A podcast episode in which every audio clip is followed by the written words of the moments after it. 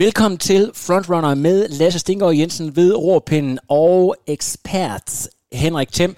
Henrik, øh, der har været lidt stille i vores frekvens af udsendelser på Frontrunner, men det er der altså en særlig god grund til. Kan du ikke lige øh, fill os ind på det dramatiske, der er sket de, den sidste måneds tid? Jeg ved ikke, om det er så dramatisk, men jeg var så heldig at øh, blive far til min anden pige, og sågar på min øh, 39-års øh, fødselsdag den 16. juli, der fødte min øh, kære kæreste øh, en pige til mig. Så de, øh, de sidste tre ugers tid har, har gået med at vente sig til at være øh, fire i, i familien. Og jeg vil gå så langt at sige, at puha, der er forskel på et barn og, og to børn. Det er, det er hårdt arbejde.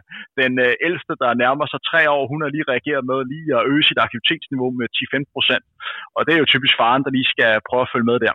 Samtidig er jeg jo selvstændig, så det der med, med barsel, jeg ville ønske, at jeg har haft mulighed for et barsel, men øh, jamen, altså, det har jeg ikke haft mulighed for, så det er jo på mit måde også at, at prøve at passe sit arbejde. Desværre har jeg ikke haft mulighed for at se særlig meget atletik. Jeg vil ønske at se DM for atletik for, for Odense, men sandheden er, at jeg ikke har set to minutter for det, så det eneste, jeg sådan kan forholde mig til i forhold til de løb, det er at være set på resultatlisten. Jeg skal bare lige spørge, er du klar over, at der i dag både er EM semifinale og Wang Chu etape gange to i turen? Øh, er, er, du, er du med så langt? Så langt er jeg med. Øh, det kom jo som den største overraskelse for mig, at Tour de France startede sidste, sidste lørdag. Normalt så plejer jeg fuldstændig styr på, hvornår Tour de France starter. Jeg elsker Tour de France. Tour de France, det er det fedeste.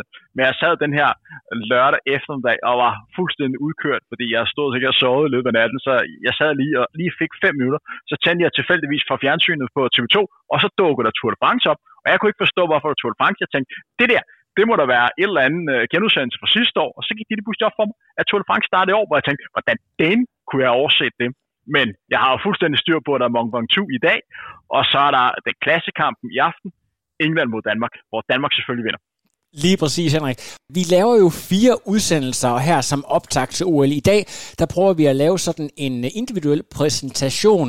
Øh, men hvad kan man se frem til i de kommende udsendelser? Hvordan er det, at vi forbereder danskerne til øh, et OL fyldt med spændende atletik? Vi har jo snakket meget om, hvordan vi gør jer, kære lytter, øh, klar til årets store atletikbegivenhed, øh, nemlig de olympiske lege i Tokyo. Det bliver ikke større end et OL, og atletikken, lad os bare sige det som det er, det er den største og vigtigste øh, begivenhed ved et OL. Det er det her, der er toppen af poppen. Det er der, hvor vi skal se de absolut bedste atleter i deres livsform. Vi har valgt at dele udsendelser op med forskellige temaer. I dag skal vi have fokus på de danske atleter. Hvem skal vi se af danske atleter? Hvad kan vi forvente af de her atleter? Og hvad skal der til, for de kommer hjem med en god oplevelse? Derudover skal vi snakke om de interessante dyster, som kommer på de forskellige øh, distancer. Primært fokus på, øh, på mellemlang. Og så kommer vi også med en oversigt over de 10 største stjerner, som er med til, til OL. Så I ved, hvem man skal holde ekstra godt øje med. Og så har vi den sidste øh, fjerde udsendelse, som bliver en slags øh, sidste her nu optakt øh, før OL, hvor der kan desværre opstå nogle skader. Hvem har præsteret ekstra godt i de øh, sidste løb op til, og hvad går der ellers af rygter, og, og hvad tror vi, der kommer til at ske på de forskellige løb? Og jeg kommer lige til at tænke på, at øh, det er jo rigtig smart, når du alligevel er oppe og passer børn midt om natten, så kan det jo passende ringe til Tokyo, når tingene de foregår. Så der, øh, der kan vi jo være lidt effektive øh, og, og tage tingenes tilstand, øh, simpelthen bruge det til vores egen fordel. Ja, altså det gælder om at udnytte de gode situationer, der, der trods alt er.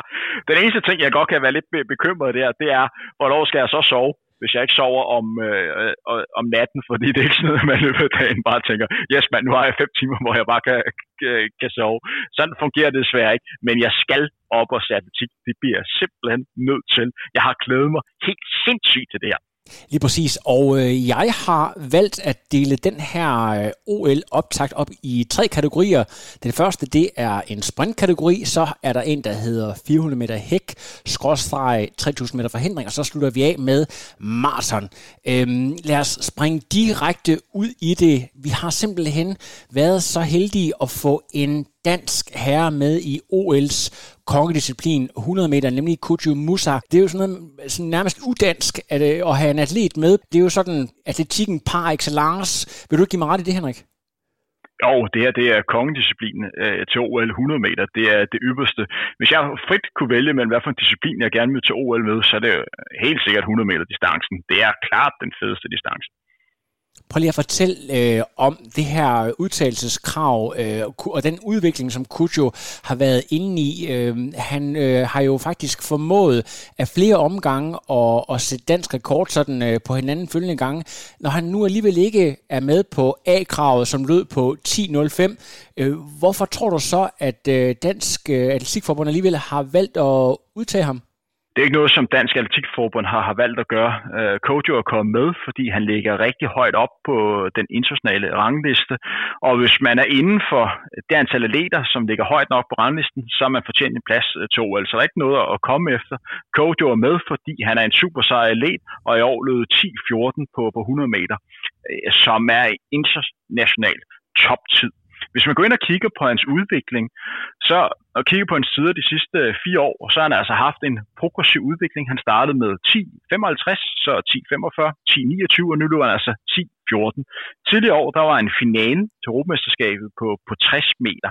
Så der er en atlet, som man godt kan tillade sig at have visse forventninger til, fordi han har momentum øh, lige nu her. Han har haft en helt suveræn 21 sæson, ligesom som mange andre sprinter har hjemme har. Fordi udover at han skal løbe 100 meter individuelt, så er han altså også en vigtig del af det danske stafetlandshold på 4 gange øh, 100 meter.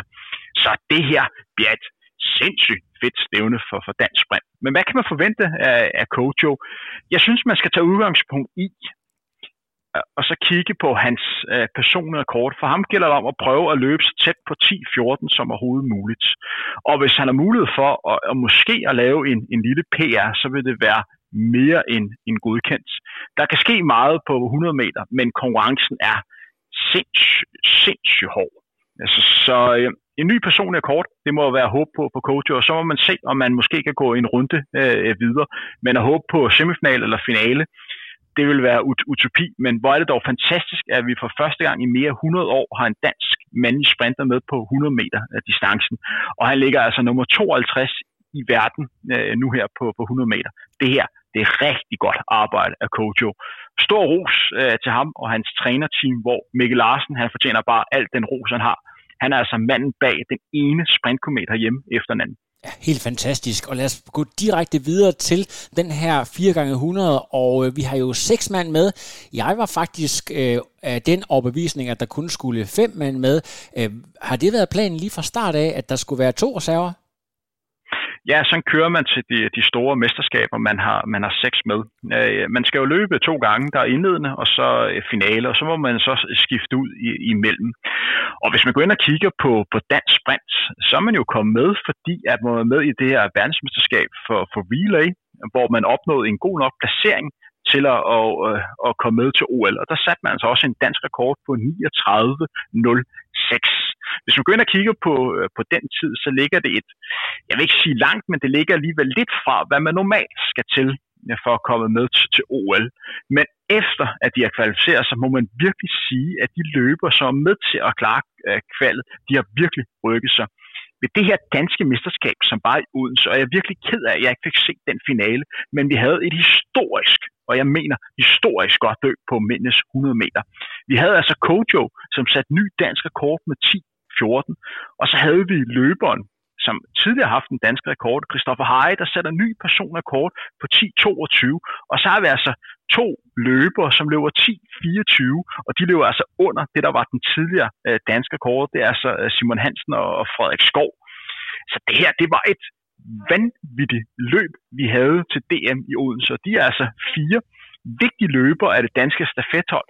Og hvis man så kombinerer det med, en af de mest interessante danske atleter, vi overhovedet har, nemlig den unge løbekomet Tanzana, som er jo halvt, øh, halvt øh, geneser og hopper så meget tid i Afrika. Han har en personlig rekord på 10.33, og så er han altså lige sat en ny dansk rekord på, på 200 meter, slået en rekord, som har stået i mere end 35 år. Han har altså løbet 20-52 på 200 meter. Det er altså en uhørt god tid. Han er altså kun 19 år, så vi har altså et stafethold, som virkelig boomer af talent og kvalitet. Det bliver så spændende at følge.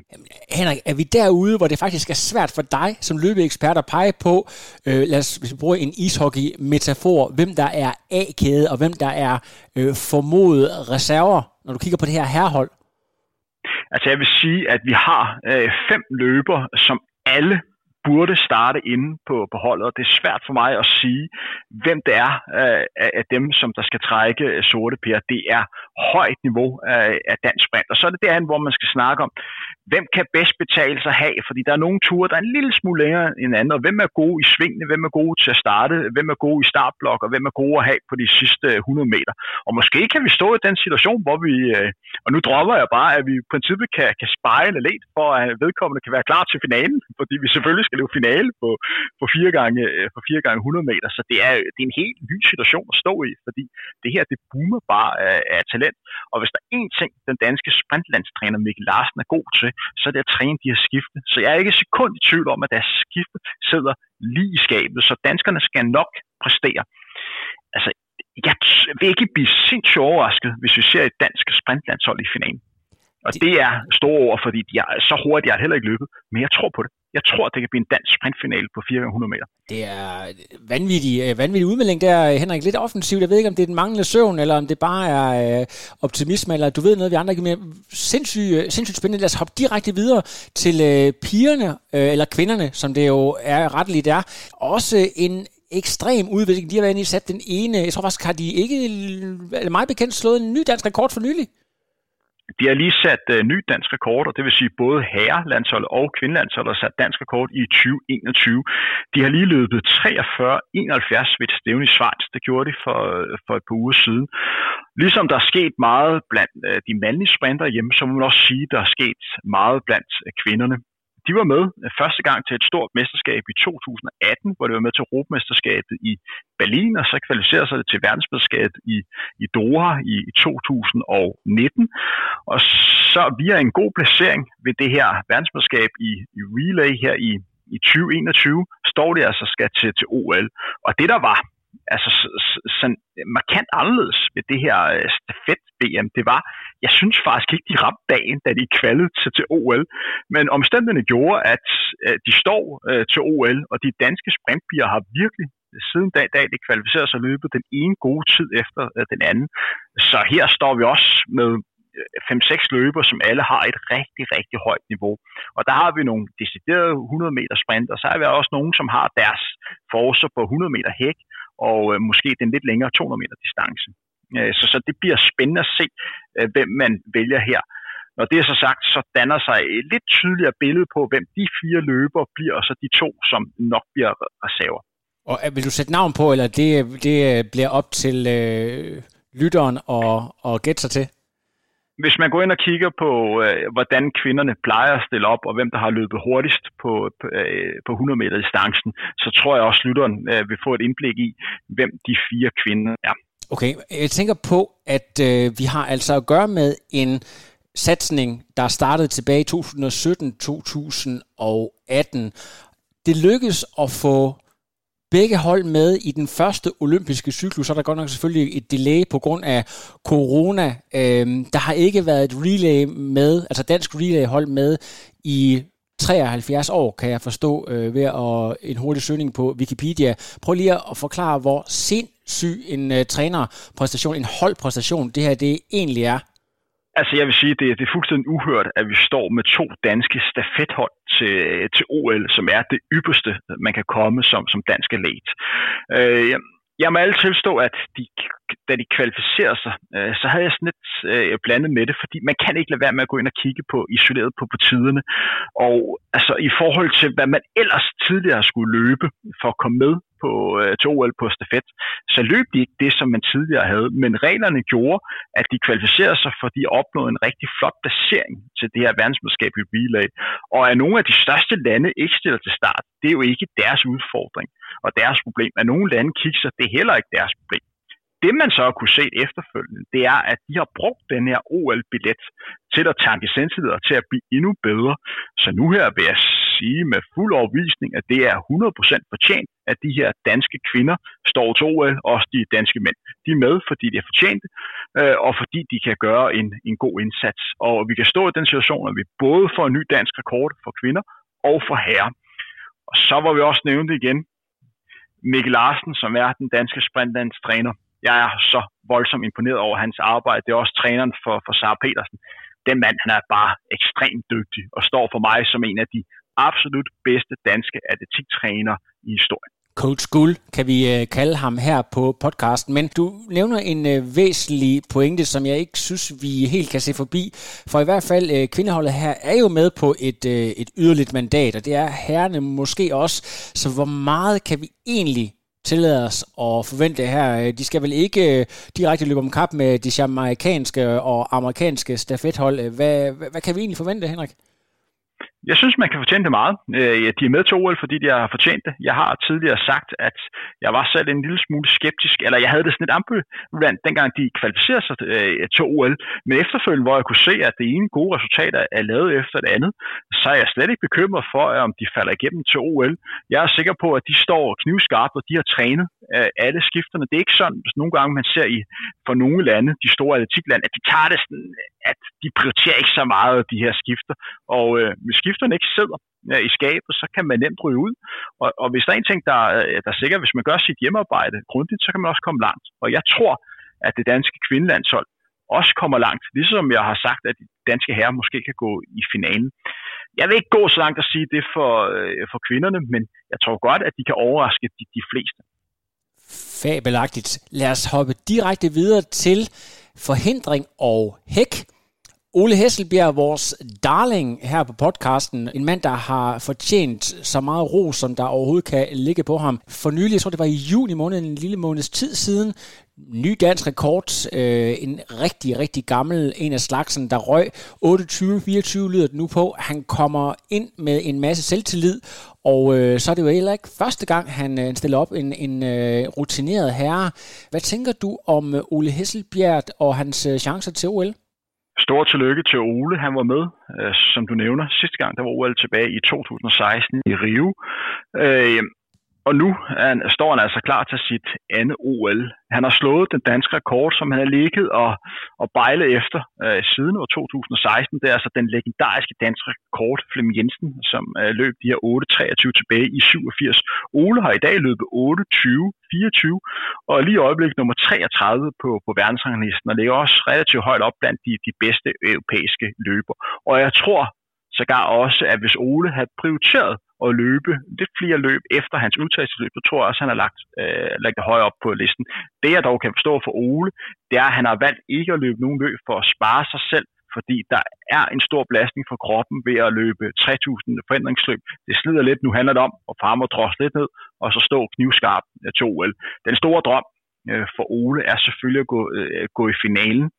Det kræver, at han løber op til sit absolut øh, bedste og er i stand til at træffe de, øh, de rigtige valg. Jeg tror, han har øh, en chance, men han skal overgå sig selv for at komme i finalen. Men jeg vil bestemt ikke sige, at det er umuligt. Ole skal, skal nok være der. Det man også nogle gange ser i forhold til danske leder, det er, at man skal også lære at takle naver og det med at stå på sådan en stor scene, øh, som OL er. I det med, at Ole har været til flere store mesterskaber, så er jeg sådan set ikke bekymret for, om Ole kan, kan klare presset. Øh, han er vant til at præstere, når det, når det gælder.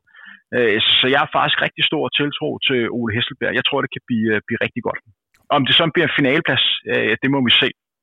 Et andet element, det er også, hvor tæt han kommer på hans personlige kort på, på 28.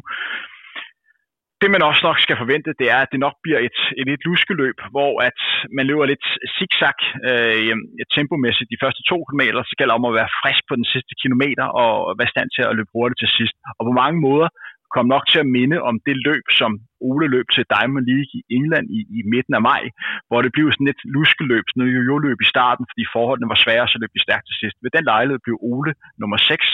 Vi lavede selv, og jeg lavede en udtale, en snak med Ole efterfølgende, hvor vi begge to snakker om, at det her faktisk var rigtig god træning i forhold til det, der nok kommer til at vente til, til OL.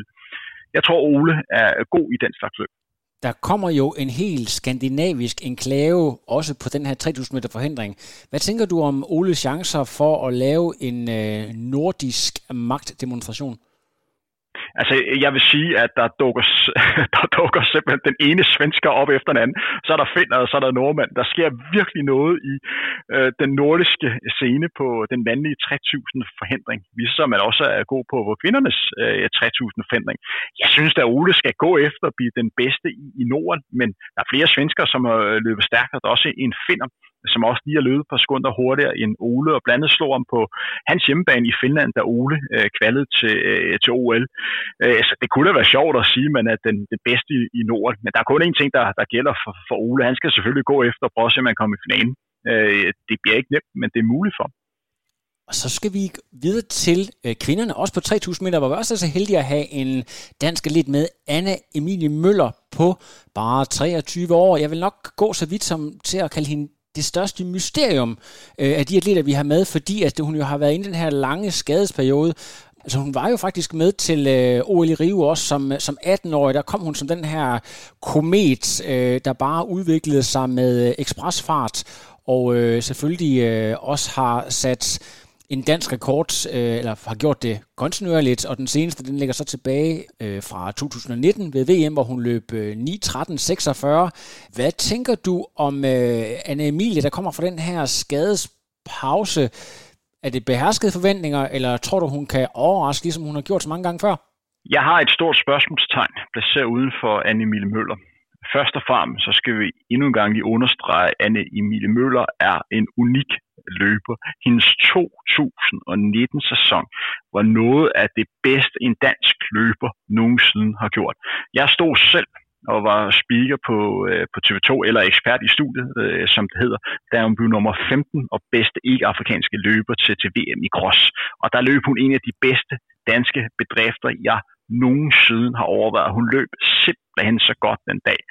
Og øh, sidenhen den sæson, der hun fik den ene gode tid og bedrift øh, efter den anden, kombineret med, at hun spillede en rolle ved verdensmesterskabet på, på 60.000 øh, forandring i, i Dora. Hun kom med finalen, og hun, og hun løb med blandt de bedste rigtig, rigtig langt hen i løbet, og satte altså den her nye, flotte personrekord på, på 9.13.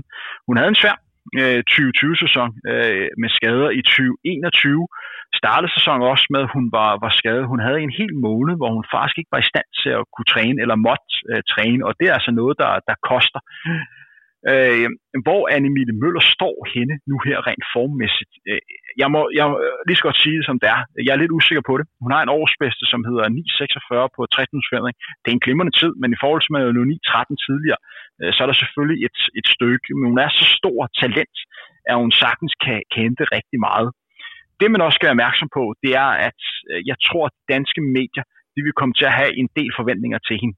Øh, så jeg tror, at dem, der måske ikke er helt inde i, øh, hvad der er sket for hende øh, de, sidste, de sidste års tid, de vil se hende som en atlet, som skal gå i finalen og også præstere godt i finalen, fordi hun ligger så højt oppe på, på diverse ranglister.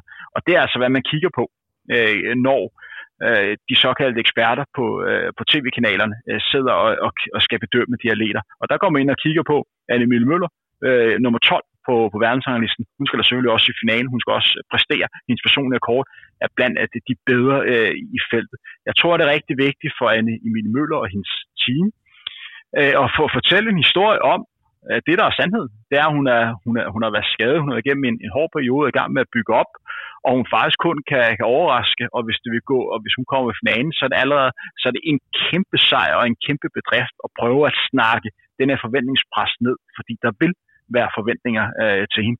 Hvordan det kommer til at gå hende, jeg håber på det bedste, øh, men øh, jeg er usikker på hende. Hun er et kæmpe talent, har et højt niveau, men jeg ved ikke, hvor hun står lige i øjeblikket. Hun er på træningslejr lige nu i Norditalien, i Sestrea, sammen med blandet Tej, som vi skal se på, på maratondistancen og andre danske atleter.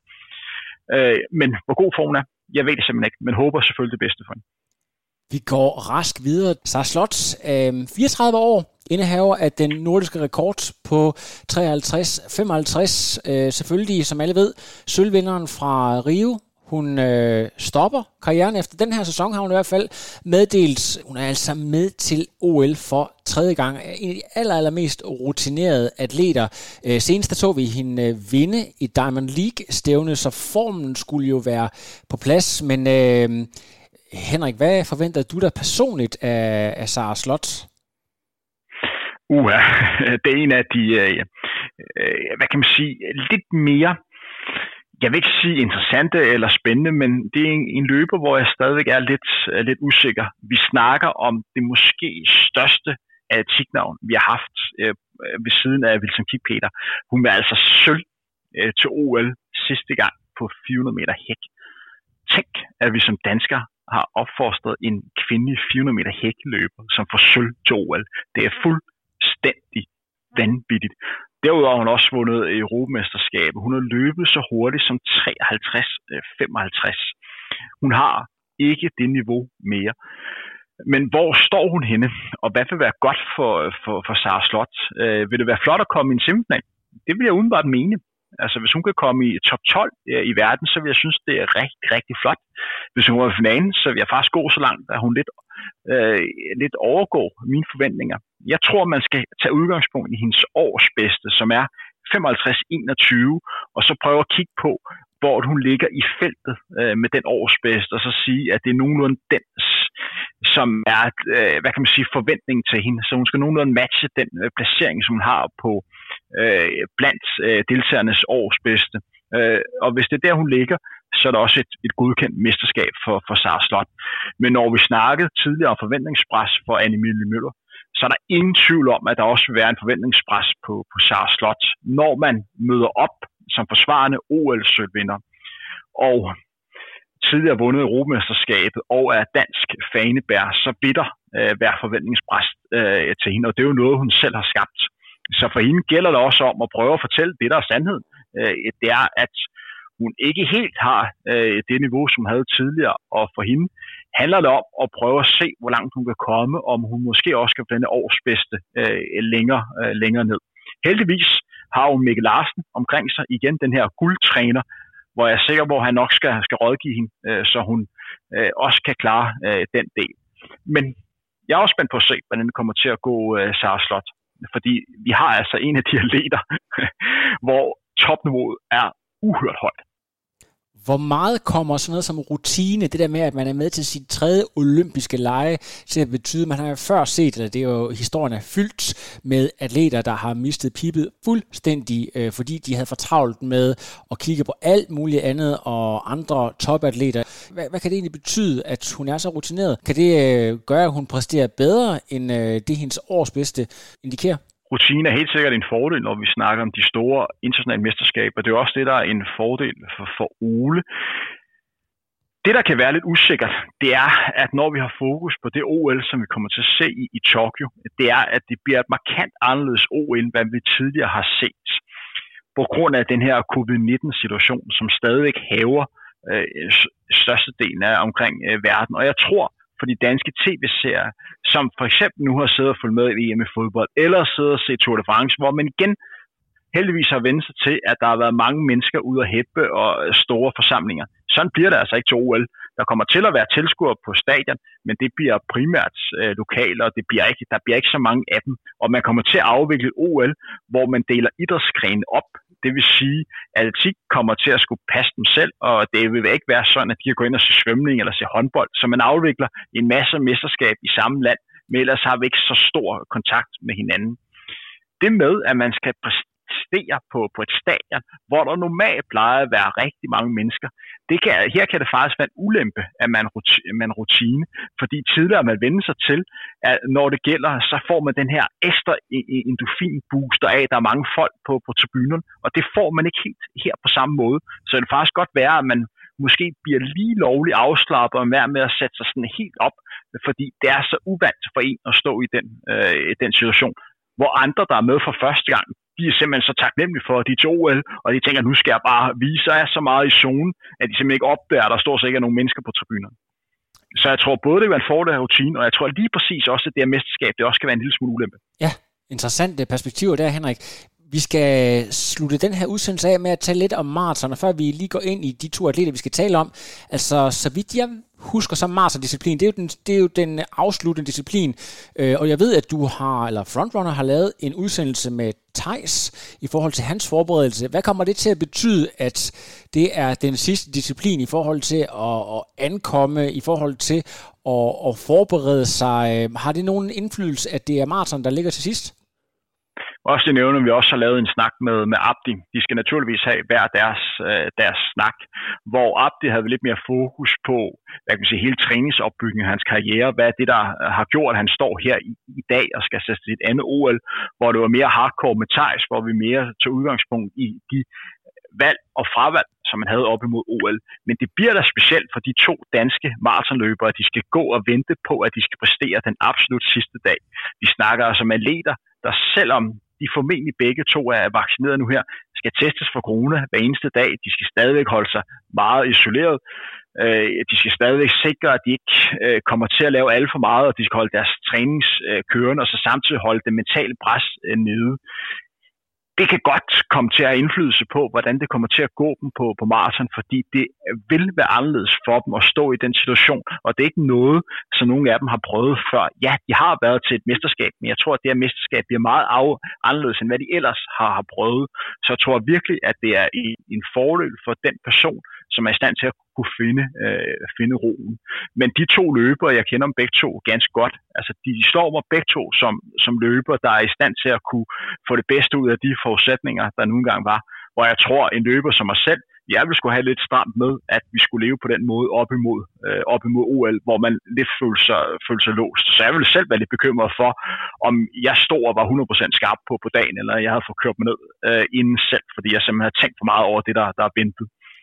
Det man kan forvente, det er jo et, et maratonløb, hvor vi skal se de absolut bedste maratonløbere i, i verden ligge og konkurrere om, hvem er den bedste øh, nu her.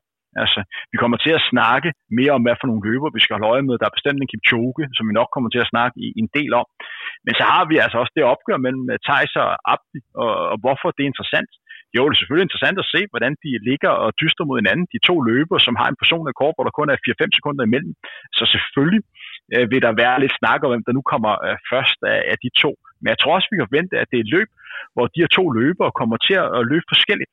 Altså, øh, jeg vil blive overrasket, øh, hvis Abdi ikke vælger at løbe med, øh, med den her nok store frontgruppe i starten, som nok vil, vil danne sig. Og så vil han nærmest blive, øh, blive suget med, og så må man se, øh, hvor langt det, det rækker for, øh, for Abdi. Og hvis han har en superdag, så kan det faktisk række rigtig langt. Hvor jeg tror mere sådan en løber som Thijs, han har lagt sin, sin plan inden sammen med sin træner Nils Kim, og øh, den følger han sådan 100, øh, 100%. Og, og hvis tiderne, som han ligger og har sat, ikke er tilsvarende med den øh, gruppe, som, som ligger i front, så vil han holde sit eget tempo og finde den gruppe, som, som passer til ham. Om de så to løber på et eller andet øh, tidspunkt mødes undervejs i, øh, i løbet, fordi deres statistik har gjort, at de her øh, ligger samlet, det aner jeg simpelthen ikke. Men jeg tror, at vi kommer til at se to løber, der kommer til at angribe øh, det her løb forskelligt. Og så skal man også være opmærksom på, at det bliver ekstreme forhold, de kommer til at løbe i det kan blive meget fugtigt, og det kan blive, øh, blive meget varmt. Så det vil helt sikkert også have en indflydelse.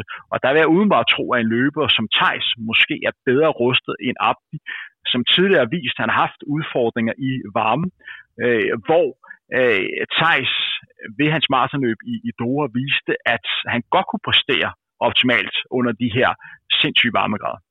Jeg synes, det er virkelig interessant et perspektiv, du siger til sidst. Det vil sige, at når, når vi begynder at kigge på Abdi Ulath og hans personlige rekord på 2.11.03, så er det måske mere, øh, ja, som du selv siger, de klimatiske forhold og, og, og rutens udfordringer, man skal kigge på øh, frem for tid. Jeg tror, når vi skal sidde og analysere det her løb efterfølgende, jeg tror ikke, vi skal overhovedet kigge på selve tiden. Her handler det om placering, og det gælder for de to drenge om at få den, den bedst mulige placering. Og der er det også relevant at tage udgangspunkt i, øh, hvor ligger, hvad de siger til inde, hvad er det for en årsbedste personer rekord, de, øh, de møder op med. Der er ikke så mange maratonløbere, som møder op med en årsbedste, så nok mere personrekorder. Der vil være 120-130 maratonløbere til start, og øh, da jeg snakkede med Thijs, der nævnte han, at han lå i, øh, omkring nummer 90. Øh, det er i hvert fald det omkring, jeg husker. Undskyld, hvis jeg lige er, øh, er, er 10 fra, men det er i hvert fald øh, det omkring. Så er det det, man har som udgangspunkt. Øh, det er, at alt bedre end 90, det er jo en kæmpe succes, fordi så løber man over sin, øh, sin seedning. Og det samme er også tilfældet for, øh, for Abdi, øh, hvor Thijs øh, hvad kan man sige, ikke nu har vist, at han, han magter at løbe det rigtig store mesterskabsløb. Jeg ved godt, han havde et rigtig godt løb i, Doha og præsterede godt, men det er ikke sammenlignet i forhold til Abdi, der har ligget by nummer 13, øh, til VM og by nummer 5 øh, til EM på, på halvmarsen. Øh, der har Abdi præsteret bedre, øh, men det bliver spændende at følge, og jeg håber virkelig, at de to drenge rammer, øh, rammer dagen. Og det kunne også være fedt at se, at øh, omstændighederne gjorde, at de, de lå sammen og, og hjalp hinanden øh, i, øh, undervejs i løbet. Altså, I forhold til sådan noget aktuel form, du nævner selv den her øh, nummer 5 til øh, EM i halvmarathon, er det den form Abdi er lige nu? Fordi vi havde jo faktisk øh, talt om til DM 10 km, at vi var en lille smule bekymrede, så gik der ikke ret lang tid, hvor han faktisk øh, hiver en, øh, jeg kan faktisk ikke huske, Henrik, her, om det er en 10.000 meter eller en 10 km, hvor han hiver en... Øh, 10 km landevej. 10 km landevej, hvor han hiver en rigtig hurtig tid ud og, og viser, at han virkelig er på vej. Så øh, altså sådan øh, på, på vandrørene, hvis du øh, hvis vi skal starte en lille ryg, rygtebørs, hvor ligger Abdi i forhold til hans sådan ultimative formkurve? Jeg tror, at Abdi er der, hvor han, hvor han skal være. Altså, jeg tror, Abdi er i god form. Jeg ved, at han har trænet helt ufattelig hårdt, og jeg, og jeg er 100% sikker på, at Abdi ved, hvad der skal til, for Abdi kan præstere øh, på, på topplan og gøre det, der skal til. Altså, vi, og det samme er også tilfældet med, med Thijs. Altså, jeg har så kæmpe respekt for, at Thijs øh, kan, kan mestre alle distancer og er i stand til ikke at få nogen skader. Den mand, han har haft en uhørt kontinuitet i hans træning. Det er fuldstændig vanvittigt og helt ekstraordinært. Han kan bare ligge og hamre den ene 200 uge efter den anden, og så ligge og løbe øh, 5.000 meter, og så løber han halvmarathon, løber 10 km og maraton, og han præsterer bare hver eneste gang. Der er selvfølgelig nogle løb, der er bedre, men hans, hans bredde og hans kontinuitet er simpelthen imponerende hvor Abdi har haft lidt mere, øh, lidt mere udsving. Men jeg tror, at de to drenge er præcis, hvor de skal være. Men de vil blive udfordrende, fordi de sidste 14 dage, tre uger op til maratonløbet, vil blive anderledes. Og så er det altid svært, når løbet bliver, bliver løbet under anderledes forhold. Og det vil det blive, når luftfugtigheden og varmen er, er høj. Man kan jo selv se det for dem af jer, der sad og så, så fodbold, og for eksempel så øh, Danmark spille mod Tjekkiet i Azerbaijan, hvor luftfugten var, var høj. De spillede, hvor det var 7-28 grader. Altså 7-28 grader er varmt, men man kan godt præstere. Men når luftfugten er høj, så gør det, at det er rigtig svært at komme af med sveden, og det gør bare, at intensiteten bare rører stille og roligt ned. Og hvis man sad og så på den fodboldkamp, kunne man bare se, at nogle gange virkede det som om, det lidt var i slow motion, og det virker lidt som nogle spillere, som på en eller anden måde ikke rigtig ville det. Selvfølgelig ved det. Det er bare forholdene, der gør, at det bliver hårdere at præstere. Og så vil man også opleve, at fordi, øh, fordi man nemt går over, så vil man også nogle gange komme til at træffe nogle, eller i hvert fald er nemmere at træffe forkerte beslutninger. Og hvis der er en ting, der er vigtigt på en maratondistance, så er det at passe på sig selv og træffe de rigtige beslutninger, så man ikke gør noget overilet eller ikke får drukket nok undervejs. Altså, Thijs er jo med som debutant, det er Abdi ikke. Øh, dit kendskab til Thijs som mesterskabsløber på den, altså nu er det den allerstørste scene overhovedet. Hvordan tror du, han vil håndtere det? Hvis vi havde snakket om en Thijs for fem år siden, så ville jeg nok være lidt bekymret. Fordi der var han en løber, der godt kunne øh, der træffe lidt forkert øh, beslutning til at starte med. Jeg deltog også i verdensmesterskabet øh, på halvmarathon i København i 2014, hvor Thijs lå og førte feltet efter en kilometer. Altså, øh, det vil Thijs ikke gøre i dag. Altså, Thijs er simpelthen så rutineret, og jeg er slet ikke bekymret for, at Thijs kommer til at træffe de, øh, de rigtige valg. Og ja, det er det første OL øh, for Thijs, men Thijs har lagt en plan, og den vil Thijs også følge. Og så må omstændigheder og dagsform afgøre, hvor godt det kommer til at øh, gå, men Thijs skal nok, øh, nok være der. Det er ikke i sekund i tvivl. Det er forrygende. På den måde så kom vi hele listen igennem, og øh, forhåbentlig så har vi givet alle lytterne en rigtig god introduktion til, hvem det er, vi kan glæde os til at møde til øh, de olympiske lege om, ja, hvor lang tid er det er der? 18 dage? Ja, noget i den stil. Øh, det kommer jo tættere og tættere på. Øh, lige i øjeblikket, der er jo meget fokus på, øh, på fodbold-EM, fordi Danmark klarer sig så godt. Men OL er jo lige rundt om hjørnet. Øh, før vi optog denne udsendelse, har jeg lige også været med i en anden OL-optagt udsendelse, hvor vi lidt mere snakker om sådan idrætspolitiske emner. Øh, så, så ja, jeg kan mærke, at OL det kommer tættere og tættere på. Det er ganske forrygende, og alle lytter derude, jeg håber, I synes, det her det er en øh, fed udsendelse. Vi vil selvfølgelig gerne have feedback, øh, hvis I synes om indholdet, og også gerne, hvis der er nogle detaljer, I gerne vil høre lidt mere om, eller hvis der er noget indhold, I efterspørger, så er det selvfølgelig noget, vi øh, er i stand til at skaffe. Det kunne også være interview eller andet. Jeg ved ikke, Henrik, har du øh, været i det kreative hjørne i forhold til ting, du godt kunne tænke dig, i forhold til det OL, for eksempel det der med at skaffe interview, når øh, vores helte de har været i aktion? Ja, det kunne sagtens være aktuelt. En anden, som jeg også gerne vil høre vores øh, lytter om, og her må I endelig gerne skrive til mig, om, om I synes, det kunne være interessant, at vi efter de, øh, de vigtigste løb, og her snakker vi for eksempel en 5.000 meter øh, for herrer, eller en 800 meter for kvinder, eller maraton, at vi lige laver sådan en øh, 10-15 minutters analyse af, hvad var det for løb, vi så her øh, hvor jeg vil gøre mit bedste for at øh, gå fuldstændig dybden og, og nørde ud fra øh, taktikken, og hvorfor gjorde den her løber øh, det, og hvorfor gjorde han ikke det, og hvor god øh, er den her tid øh, reelt. Så man får en masse baggrundsviden omkring øh, bedriften, fordi det er noget, som I nok ikke vil få, når I sidder og følger med øh, på, øh, på tv-udsendelsen. Der vil nok mere være, øh, være nogle værter, der forholder sig til som det, som du ser på billedet. Vi vil gerne gå lidt mere i dybden og gøre dig klogere på, hvad der sker. Men altså, vi gider ikke at bruge tid på det, hvis I ikke synes, det er interessant. Så I må endelig gerne byde ind. Forrygende. Lad det være ordet, Henrik. Du skal tilbage til øh, dit, øh, kan man sige, næsten fuldtidsjob med at passe børn, og måske også lige nå ud og løbe en lille smule, inden der kommer. Jeg ved ikke, om der er skybrud i dag. Tusind tak, fordi I lyttede med, og øh, vi er meget snart tilbage med meget mere OL-optakt. Så øh, until then, Stay tuned.